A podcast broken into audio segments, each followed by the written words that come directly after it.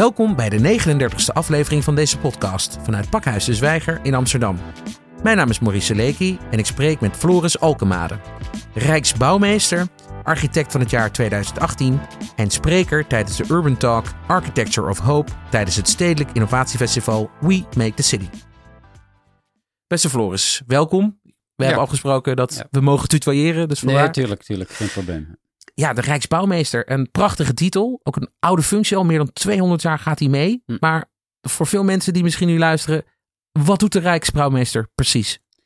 Nou, Rijksbouwmeester is eh, allereerst verantwoordelijk voor de kwaliteit van al het Rijksvastgoed. Hè. Dat zijn de ministeries, maar ook de gevangenissen, rechtsgebouwen. We zijn op dit moment hard bezig met bijvoorbeeld eh, de voorbereidingen voor de verbouwing van het Binnenhof. Een groot project, eh, zowel politiek als ontwerp, technisch complex. Huis ten Bos van zijn majesteit net verbouwd. Zo hebben we een hele serie echte bouwprojecten. Daarnaast ben je als Rijksbouwmeester ook in de positie dat je samen met het College van Rijksadviseurs uh, ook het kabinet kunt adviseren op het gebied waarvan het gaat over architectuur, stedenbouw, landschap. En dat doen we gevraagd, maar ook ongevraagd. En vooral dat laatste vinden we natuurlijk erg leuk om te doen ook. En moeten we ons dan ook voorstellen dat hè, bij de ontwikkeling van dat uh, Rijksvastgoed of de, de renovatie, dat jij zelf dan ook aan tekenen uh, bent als, als architect, want je bent ook zelf architect. Ja. Of heb je daar dan een dienst voor of wordt het uitbesteed? Nou, het is eigenlijk alle drie. Soms ben ik zelfs nog aan, zelf aan het tekenen, maar dat is eigenlijk wel de uitzondering. Over het algemeen um, coördineer je het. En uh, dat wil zeggen dat je ook mede betrokken raakt bij welke architecten dan daarvoor geselecteerd worden. Je begeleidt het bouwproces zelf. Hè? Dus uh, ik ben ook regelmatig op bouwplaatsen wat dat betreft. Maar je zorgt vooral dat de vragen goed gesteld worden, dat de architecten begeleid worden in het uitwerken van de plannen.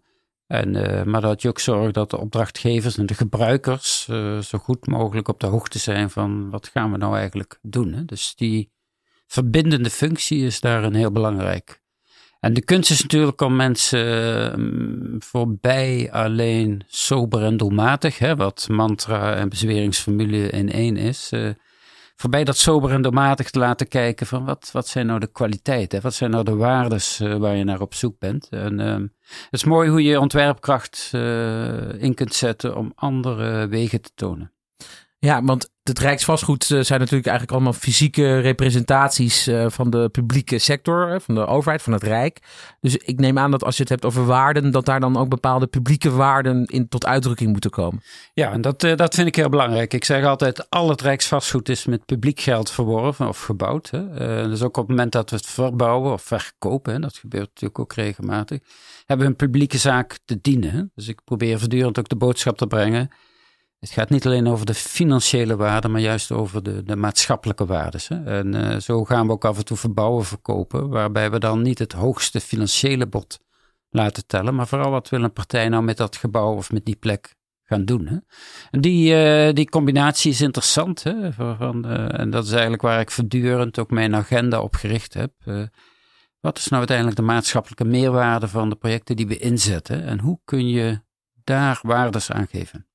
Want je bent uh, uitgeroepen tot architect van het jaar. Een uh, eervolle titel. Mede vanwege uh, jouw verdiensten nu al als Rijksbouwmeester. Want je bent in 2015 aangesteld. Maar men zegt in de, in de sector dat, dat, je, dat je inderdaad een maatschappelijke agenda hebt. En dat je die ook heel nadrukkelijk ja, laat horen in, in, in het veld. Je hebt allerlei prijsvragen ingesteld, kondigt uh, bepaalde maatregelen aan, bijvoorbeeld de New Deal om het landschap, Nederlandse landschap te redden. Je bent een agenderende Rijksbouwmeester. Ja, omdat ik, uh, ik heb een heilig vertrouwen in ontwerpkracht. Hè. Ik ben ontwerper, ik ken veel ontwerpers. Nederland heeft uitstekende architecten, stedenbouwkundigen, landschapskundigen. En die ontwerpkracht uh, vertegenwoordigt een bepaalde macht, vind ik. En ik kan het eigenlijk niet verdragen als ontwerpers uh, alleen maar over mooi en lelijk oordelen. Want dan maak je je beroepsgroep heel klein, heel kwetsbaar.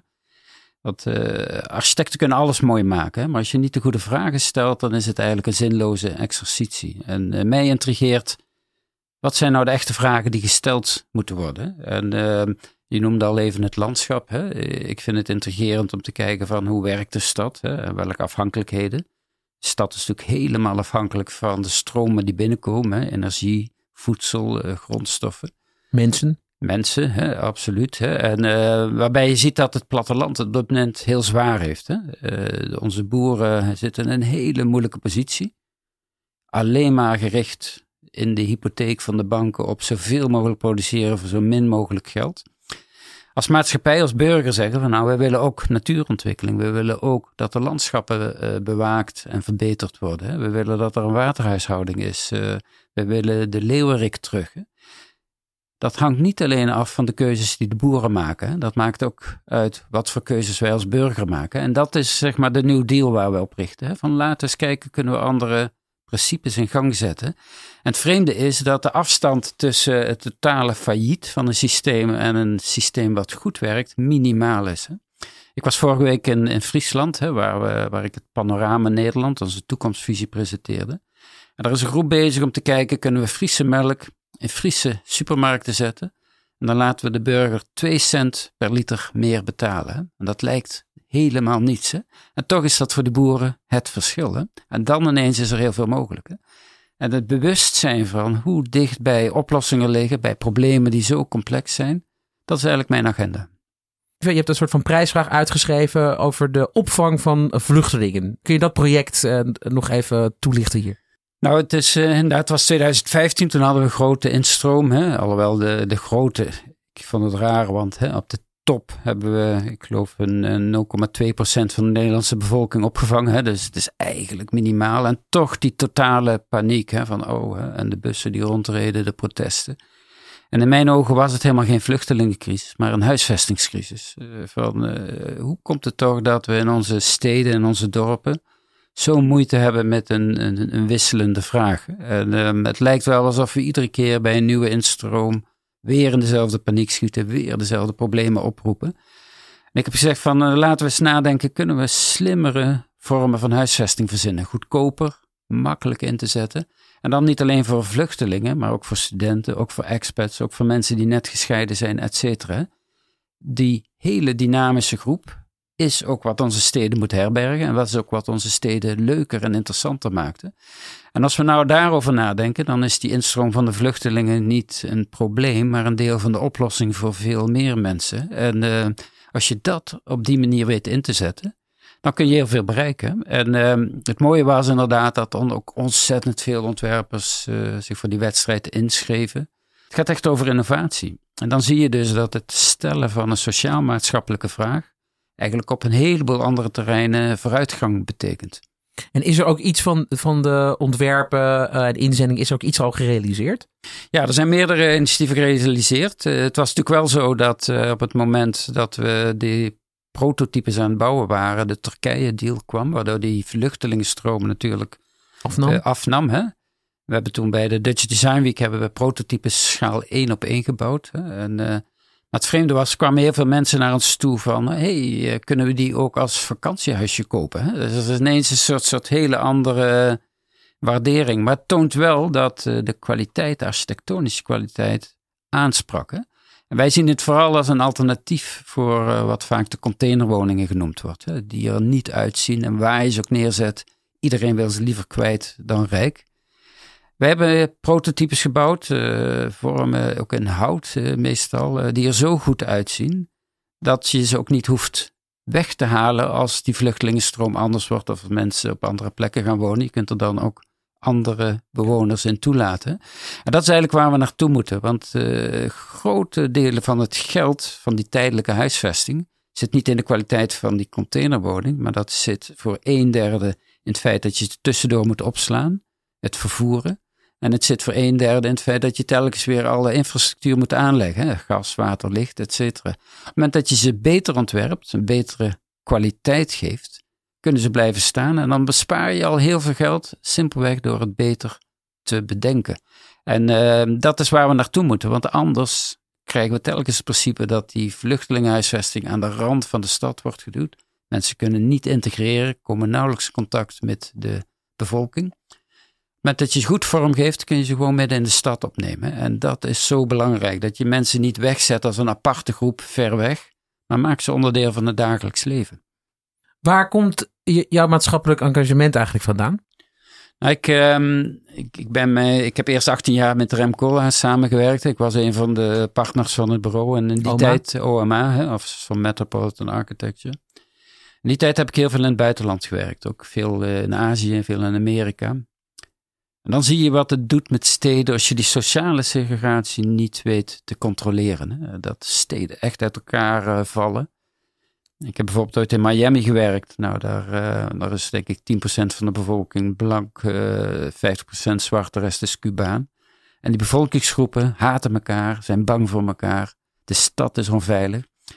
En dan zie je gewoon dat de hele stad daardoor een soort uh, kwaliteit van leven gaat verliezen. Dus niemand wint daarbij.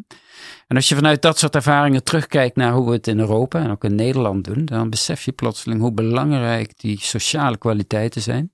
Maar ook hoe makkelijk die kunnen eroderen hè, als je daar niet goed mee omgaat. Dus uh, dat is een soort bewustzijn waarvan ik denk uh, dat is een kwaliteit waar we misschien soms blind voor zijn. Maar die we ook zomaar kunnen verliezen als we daar niet op de juiste manier mee omgaan. En dat uh, vind ik heel belangrijk, omdat uh, zeg maar in de jaren 60, 70 woningopgaven, bouwopgaves vaak nog vanuit de politiek werden gestuurd. De hè? volkshuisvesting. Volkshuisvesting.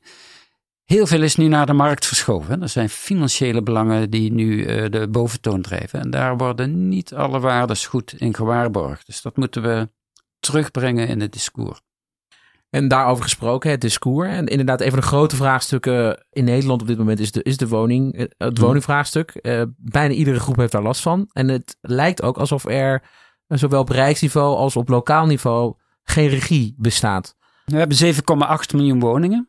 En um, het vreemde was in 2015, hè, na de dagen van de crisis, uh, zei iedereen van ja, we zijn wel uitgebouwd, hè, het is crisis. En nu ineens een miljoen woningen te weinig. Hè. En uh, en als je dan uh, kijkt naar wat de woonwensen zijn, dan zie je dat uh, zo'n 60% ongeveer van die miljoen woningen, dat zouden eensgezins grondgebonden woningen moeten zijn. De marktpartijen zeggen dan al heel snel, oké, maar dan moeten we dus in de weilanden gaan bouwen, want dan kunnen we snel bouwen wat er nodig is. Ik denk dan altijd van, nou maar wat als je de hele keten doordenkt? Waarom hebben we te weinig woningen? Dat komt enerzijds uh, grote buitenlandse toevloed? Amsterdam kent dat, maar eigenlijk alle grote steden kennen het. Brabant groeit door de buitenlandse kenniswerkers. Maar ook omdat we steeds meer eenpersoonshuishoudens hebben. We groeien toen naar 40% eenpersoonshuishoudens. Uh, populaire steden 50%. Die wonen vaak in huizen bedacht voor gezinnen. Dus je moet ook gaan nadenken, kun je misschien woningen delen? Kun je andere vormen van samenlevingen maken? Maar nog belangrijker, de echte grote stroom, heeft te maken met de vergrijzing. Op dit moment is al 27% van alle huishoudens is 65 plus. 27%. 42% daarvan, bijna de helft, wil eigenlijk verhuizen. Want die zeggen de woning is te groot, hè, we krijgen een zorgvraag, we kunnen dat niet meer aan. Maar ouderen verhuizen niet, hè, want die zeggen we willen in onze eigen buurt wonen. Daar kennen we de mensen. Maar we willen dichter bij de voorzieningen, dichter bij het openbaar vervoer. We willen een huurappartement wat we ons kunnen veroorloven. En als je dat uitrekent, dan zijn er op dit moment al bijna een miljoen woningen waar ouderen wonen, die daaruit zouden willen verhuizen als ze een alternatief hadden. En dus dan kun je zeggen van dan laten we hen bedienen. Bouw in bestaand bebouwd gebied, slimme woningen. Binnenstedelijk heet dat hè? Binnenstedelijk, hè? ja, maar ook binnendorpelijk. Hè? Eh, het is uh, niet alleen de stad waar het... Uh... En dan speel je een heleboel woningen vrij waar nu veel vraag naar is. Hè? Dus die woningen moeten we niet in het buitengebied bouwen, maar juist in de bestaande steden. Veel meer mengen, zorgen dat die ouderen ook niet de stad uit uh, gaan. Hè? Maar kijk hoe ze erbij kunnen betrekken. Want ik zeg altijd, vergrijzing wordt veel te snel als een op te lossen probleem gedefinieerd. Hè? Het feit dat we voor een groot gedeelte er een extra levensfase bij krijgen, is een vorm van luxe. Ook voor de maatschappij. Hè? Het vertegenwoordigt een enorm maatschappelijk kapitaal vaak goed opgeleide mensen met veel ervaring, die ineens hun kennis kunnen inzetten. En dat kunnen we ontzettend veel probleem voor, of ontzettend veel uh, profijt van hebben. Dus als we het over vergrijzing hebben, moeten we het niet alleen over de zorg hebben, maar ook over scholing, over ontwikkelingskansen. Van hoe geven we mensen een zinvolle rol in onze maatschappij? Als ik uh, jou zo hoor, dan heb jij eigenlijk het woningvraagstuk zojuist opgelost. Maar hoe komt het dat het dan toch niet, laten we zeggen, door jouw politieke counterpartners, door ministers, door wethouders, uh, ja, dat, het, dat het ook geïmplementeerd wordt? Nou, er is natuurlijk, uh, het hangt heel erg af van welke termijn neem je voor ogenschouw. Um, wij zeggen altijd, dit soort ruimtelijke vragen moet je een langere termijn voor ogenschouw nemen, hè? 20, 30 jaar. Markteconomie, return on investment, dat gaat over vier, vijf jaar. Hè? Politiek, verkiezingsritme gaat over vier jaar. Dus dat korte termijn denken is eigenlijk logisch ingebakken in het systeem. Kijk, en als je op de korte termijn denkt, dan hè, die bouwontwikkelaars, die hebben vaak die weilanden al lang gekocht. Hè? Die zeggen, ja, maar als je ons onze gang laat gaan, dan kunnen wij heel snel veel woningen bouwen. Het gaat wel ten koste van het groen. Logisch als je op de korte termijn denkt. Als je over de langere termijn denkt, dan denk je, ja, maar uh, dat zijn precies de woningen die dadelijk hè, na de vergrijzingsgolven een grote aantallen op de markt gaan komen. Dus over twintig jaar geredeneerd is het eigenlijk een totaal idiote beweging. Ook als je verder doordenkt, hè, een miljoen woningen in het buitengebied bouwen betekent 2 miljoen extra auto's op de weg. En dat moeten we echt niet willen. Dan moeten we al Met onze klimaatdoelstellingen is dat eh, absoluut niet eh, de richting. Absoluut niet. Hè? En, en bedenk ook, hè, die miljoen woningen moeten allereerst gaan over wat doen we met die 7,8 miljoen woningen die we al hebben. 1 op de 10 volwassenen in Nederland vereenzaamt, hè? voelt zich zwaar vereenzaamd. Hè? Dat zijn vragen waar we over na moeten denken. Van wat betekent dat voor onze stad? En ook daar, verdichting kan een ontzettende sociale meerwaarde hebben op het moment dat je dat goed ontwerpt. Hè? Mensen meer met elkaar in contact brengen en beseffen dat als je het over woningbouw hebt, dat je het ook moet hebben over de kwaliteit van de openbare ruimte. Heel belangrijk om daarover na te denken. Hoe maak je steden die sociaal veel beter functioneren dan nu? Hè? Vorige generaties, eh, functiescheiding, hè? wonen, werken, recreëren uit elkaar getrokken. We kunnen dat weer naar elkaar toe brengen. En juist in die menging van culturen menging van leeftijdsgroepen, menging van uh, wonen, werken. Dat is eigenlijk hoe steden veel interessanter worden en uiteindelijk onze levens ook veel leuker. Mocht er een, een licht in dit land uh, met macht jou de opdracht geven eigenlijk om het woningvraagstuk uh, op te lossen en jou als rijksbouwmeester budget en mandaat toe te kennen, zou je die opgave aangaan? Ja, nee, dat is. Je droomt natuurlijk altijd van kan het sneller, hè? want op een gegeven moment zijn dingen zo logisch en zie je dat de systemen dat op de verkeerde manier uh, tegenwerken. We hebben samen met het College van Rijksadviseurs hebben we een panorama Nederland uitgebracht recent. samen met Vereniging Delta Metropool en Adriaan Geuze van West 8. Uh, eh, een toekomstvisie, een authentieke toekomstvisie gericht op 2050. Van als we die hele grote vragen die we nu als generatie op ons af zien komen. Hè, de, de energietransitie, klimaatverandering, verduurzaming van de voedselproductie. Als we die vragen nou eens op de juiste manier beantwoorden en de biodiversiteit aanpakken, hoe gaat Nederland er dan uitzien? Hè? En wat wij tonen is een Nederland wat je heel goed herkent. Hè? Want Nederland is beweging, het verandert voortdurend. We laten zien dat je die verandering op de juiste manier kunt richten. En wat wij eigenlijk proberen op gang te brengen is een verlangen naar verandering. Als je toont wat er aan winst te behalen is, hè, de vragen zijn groot, maar de winst die we kunnen behalen is ook groot. En als je toont wat er te winnen valt, kun je verlangen naar verandering oproepen. En dan wordt eigenlijk alles eenvoudiger.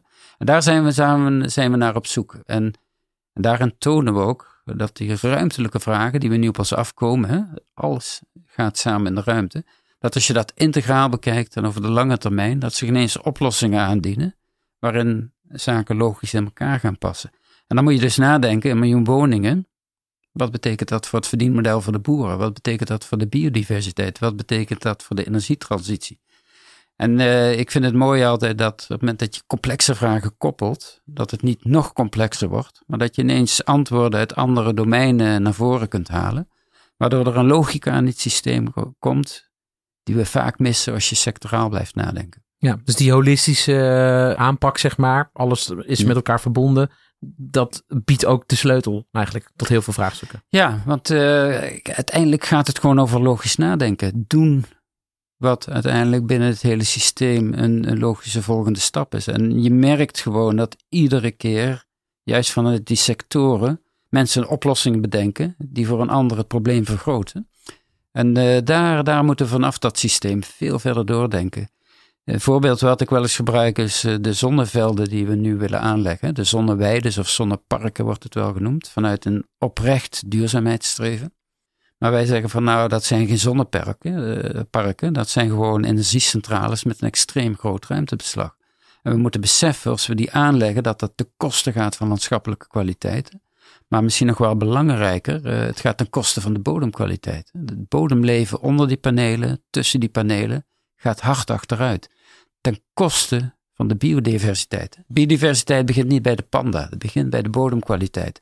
Dus je moet die zaken doordenken. En waarom bouwen we nou zoveel logistieke centra zonder dat er een bouwregel is dat daar panelen op moeten liggen? Je moet zaken koppelen en dan ga je zaken herkennen van hoe je ze echt zou moeten aanpakken. En dan wordt het niet complex, maar dan wordt het ineens uh, kristalhelder. Floris, je geeft net aan dat uh, je dus al die partijen bij elkaar moet brengen. Dat mensen niet meer in die trechters moeten blijven uh, denken. En dat ze ook meer moeten samenwerken eigenlijk. Nou, dat is ook een van de redenen waarom Make City wordt georganiseerd. Ja, ja. Omdat je daar dus al die verschillende stakeholdergroepen bij elkaar vindt. Jij zit in het programma Architecture of Hope.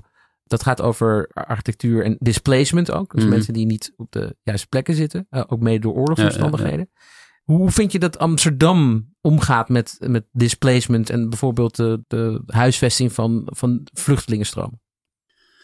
Nou, wat je in Amsterdam natuurlijk had, was de Bijlmer Baaiers, die op een gegeven moment daarvoor werd ingericht. En uh, het heeft natuurlijk iets heel pijnlijks, hè, dat je juist vluchtelingen weer in een gevangenis uh, moet onderbrengen. En ik ben toen met Arna Makic, LA-studio, nog gaan kijken van, hè, kunnen die tralies eraf en dan merk je plotseling hoe lastig dat soort schijnbaar eenvoudige zaken zijn. Hè? Tegelijkertijd vond ik het programma wat daar gerund werd, hè, met Lola Lik, uh, het openen van de gevangenis, uh, een heel goed uh, middel om mensen in contact te brengen. Hè? En um, tegelijkertijd denk je van, kan het niet anders? Hè? Moet het in die grote groepen? We spreken veel met COA daarover. En nou, die hebben natuurlijk een eigen wetmatigheden. Zij zitten ook met budgetten. Zij zitten met veiligheid, er moeten tolken geregeld worden, et cetera, et cetera. Waarbij ineens grote groepen het enige is wat ze aankunnen. Ik ben nog met, met Arna Makic uh, nu aan het kijken, wat kunnen we leren daarvan? Hè? En, uh, en eigenlijk is onze conclusie, misschien is inderdaad die, die opvang van de COA zo afhankelijk van allerlei regels, et cetera, dat we daar moeilijk aan kunnen sleutelen. En wat de COA voor de luisteraars, dat het Centraal Orgaan Asielzoekers, ja, dus zij die, zijn officieel belast uh, of uh, met de opvang van asielzoekers ja. in Nederland. Hè? Nee, ja. precies. Hè? Kijk, en wat je ziet is dat uh, zij vaak problemen hebben omdat de statushouders, de mensen die toegelaten worden, niet snel genoeg kunnen doorstromen. Maar wij pleiten er eigenlijk voor, zorgen ervoor dat die opvang binnen de stedelijke gebieden zit, niet aan de randen, maar juist in het midden. En zorg ervoor dat er altijd een publiek, een openbaar domein, een plein of wat dan ook wordt ingericht, waar er interactie kan zijn. Hè? En waar je misschien gemeenschappelijke keukens organiseert. Maar dat je mensen in verbinding brengt, hè? Dat, dat, uh, dat gaan we steeds verder onderzoeken. Want uh, ik herinner me in Rotterdam, hè? Uh, veel discussie en uiteindelijk inderdaad de containers aan de rand van de stad. En het is zo schrijnend hè? dat je als rijke maatschappij vluchtelingen op die manier opvangt. En ik hou me altijd vast wat dat betreft aan een quote van Simone de Beauvoir. Een mooie quote en die zegt van... Als je nou wilt weten wat de ware doelstellingen van de maatschappij zijn, kijk dan hoe ze met de meest kwetsbaren omgaan. Hè? Daar leer je eigenlijk alles uit. Hè? En dat is denk ik wat dat betreft de, de opvang van vluchtelingen, is het toetsteen voor wie we zelf zijn. Hè? Dus laten we daar zorg aan besteden. Ja, en dan heb je daar ook nog een verschil in. Dus die statushouders, die, nou, die, die kunnen blijven. Maar dan heb je ook nog, en dat is misschien de meest kwetsbare groepen, dat zijn die ongedocumenteerde hm. mensen die die vaak ook niet terug kunnen en daarom alsnog moeten blijven, maar dan in feite in de illegaliteit belanden. Hm. Ook in Amsterdam is dat eh, met een groep bijvoorbeeld het geval. Ja, ja, ja. Wat zou daarvoor ontwikkeld kunnen worden door architecten en ontwerpers? Ja, dat is een goede vraag. Hè. Het is niet zo, hè. Ik, ik heb een heilig vertrouwen in ontwerpende kracht. Maar het is natuurlijk niet zo dat je met mooi ontwerpen alle vragen kunt oplossen. Hè. Dit is natuurlijk allereerst een politieke vraag. Van, van uh, hoe komt het dat we systemen inrichten waarin we mensen wellicht te snel de illegaliteit in uh, duwen. Hè. En uh, het is wat dat betreft een hele moeilijke vraag. Want ik vind inderdaad, mensen die hier gewoon wonen, hoe, hoe kun je iemand illegaal verklaren? Wat, welke, recht heb je? Welke motivatie heb je? En uh, tegelijkertijd zie je dat dat natuurlijk wel een realiteit is. Uh, voor ons uh, was het ook wel reden om op een gegeven moment contact te zoeken met Vereniging Nederlandse Gemeente International. Om te zien of we misschien iets aan de opvang ter plekke konden doen. Hè. Dus we hebben een programma opgezet uh, met, uh, met Libanon. Uh, in de BK-vallei hebben we een programma lopen. Heel interessant om dan eens te kijken van, kunnen we met de Nederlandse ontwerpkracht in het buitenland. in het buitenland uh, iets betekenen. En uh, dat brengt een hele andere dynamiek uh, op gang. Hè? Maar ik vind als we de verantwoordelijkheid hier van ons af willen schuiven, laten we hem dan in ieder geval daar opnemen. En tegelijkertijd wel werken van wat we in Nederland doen. Kunnen we dat verbeteren? Maar ik zeg al, dat is allereerst een soort politieke vraag. En um, een zekere mate van anarchie van de ontwerpers is uh, de beroepsgroep niet vreemd. Maar we kunnen daarmee niet alles oplossen. Het is een politieke vraag. Je noemde net het, ja, dat jullie in het buitenland, dus eigenlijk in die gebieden, als we het dan nog steeds mm. over die vluchtelingenstroom hebben, dat je eigenlijk mensen in de regio, zoals dat dan ja. heet, uh, uh, opvangt. Is er een ander land of een andere stad die het eigenlijk beter doet als het gaat om die opvang van vluchtelingenstromen in de steden? Nou, het is een heel groot verschil um, wat voor vluchtelingenstromen je hebt. Hè. Je hebt bijvoorbeeld Afrikaanse landen waar het uh, mensen naar de stad trekken. Een soort sloppenwijken opbouwen. En daar zie je uh, dat dat razendsnel zich kan verbeteren als het gelegaliseerd wordt. Hè. Uh, als je ook straten aanlegt. Hè. Vaak is brandgevaar in sloppenwijk een heel groot probleem. Hè. Zorg dat er brandweer erbij kan. Eigenlijk een heel logisch principe. En je ziet op het moment dat er goede brandweerroute er is, dat dat eigenlijk een hoofdstraat wordt waar commercie op komt. Hè. Dus mensen hebben een groot zelf, zelforganiserend vermogen als je een paar basiszaken goed regelt. Dan ga je het legaliseren. Vluchtelingenkampen, als je nou kijkt naar eh, de situatie eh, in Libanon, waar ongeveer 40% van de bevolking een vluchteling is. Ja, je kunt, ik heb daar met die minister gesproken. Die zegt van je kunt toch niet van ons verwachten dat wij 40% van de bevolking op gaan nemen. Uh, het is een ongelooflijk moeilijk land. Hè? De Shiiten, de Soenieten, de christenen. De, christenen het, het, is een uh, cocktail. En ik als Nederlander kan niet zeggen, ja, dat moet je wel doen. Hè? Dat is een andere dynamiek. Dus dan moet je gaan nadenken. Van wat kunnen we dan doen om de situatie van die vluchtelingen te verbeteren? En in de BK-vallei uh, kwamen we steeds meer bij, uh, bij dorpen. Je hebt soms dorpen van 15.000 inwoners waar dan 40.000 vluchtelingen zitten. Als je daar met die burgemeesters en met die mensen spreekt, uh, dan merk je plotseling dat het niet alleen de vluchtelingen zijn die je moet helpen, maar ook de lokale bevolking. Want die zeggen van ja, we zijn, eigenlijk zijn we bang voor die stroom. Hè? Van, van hoe gaat zich dat verhouden? En die burgemeesters zijn ook bang dat er op een gegeven moment geweld uitbreekt. Hè? Pogroms zijn ze bang voor. Dus je beseft plotseling, het is misschien niet zozeer die huisvesting waar je aan moet werken, maar ook daar weer van hoe breng je groepen met elkaar in contact. Dus daar uh, samen met de VNG hebben we eigenlijk twee programma's lopen. Eentje is uh, ophalen van vuilnis. Uh, je denkt ook weer, hè, is dat dan urgent? Maar dat is het. Hè? Die hele BK vervuilt, de rivier vervuilt. Door het ophalen van afval, dat is een apolitieke bezigheid, breng je groepen bij elkaar beginnen met recyclingsprogramma's. En een heel interessant, wat we nu aan het doen zijn eh, in, in, een dorp in de BK-vallei, is het aanleggen van een park. Uh, iets wat de burgemeester heel graag wil. Het is een park tussen het dorp en het vluchtelingenkamp, wat door beide groepen gebruikt kan worden. Plotseling een heel ander mechanisme inzetten, mensen met elkaar in contact brengen als eerste stappen. En wat we daaraan willen koppelen, is dan in dat park een recyclingcentrum maken. Er wordt heel veel karton opgehaald. En we gaan kijken of we met dat karton tijdelijke woningen kunnen maken. Karton is ontzettend sterk. Je kunt het brandwerend maken, je kunt het waterwerend maken. Het is duurzaam? Is duurzaam. Het isoleert uitstekend tegen kou en, uh, en warmte. En die minister met wie wij spraken zei: ja, maar dat, dat kunnen we wel aanvaarden. Want ze willen geen permanente bebouwing. Maar woningen van karton is flexibel genoeg. Hè, terwijl ze uitstekende woonkwaliteit kunnen bieden. En dan zie je dat je in zaken kunt koppelen. Hè. Je haalt afval op, je geeft werkgelegenheid om dat karton te verwerken. Je biedt betere huisvesting. En die minister zegt, nou, op het moment dat die vluchtelingen weer teruggaan naar Syrië, dan geef ik ze die huizen mee terug. Hè? Want vaak komen die in een totaal kapotgeschoten gebied. En dan hebben ze ook daar een tijdelijke woning en dan kunnen ze hun eigen woning weer gaan opbouwen. Dus dat is echt werkelijk architecture of hope. Ja, dat is het. Hè? En dan, dan zie je ook weer daar, hè? je begint met het idee, ik moet de vluchtelingen betere huizen geven. En dan zie je als je iets verder die keten doordenkt, dat je van de andere kant begint. En dat er dan ineens uh, het systeem een soort logica krijgt. En dat is zo belangrijk op het moment dat je hulp biedt, uh, dat je begint met observeren en goed luisteren. Uh, de oplossingen die jij bedenkt, zijn zelden de juiste. Je moet eerst veel beter weten wat de echte situatie is. Het uh, aantal ontheemden door klimaatverandering neemt ook toe, uh, wereldwijd. Hoe kunnen we daar in architectuur en ontwerp al rekening mee houden?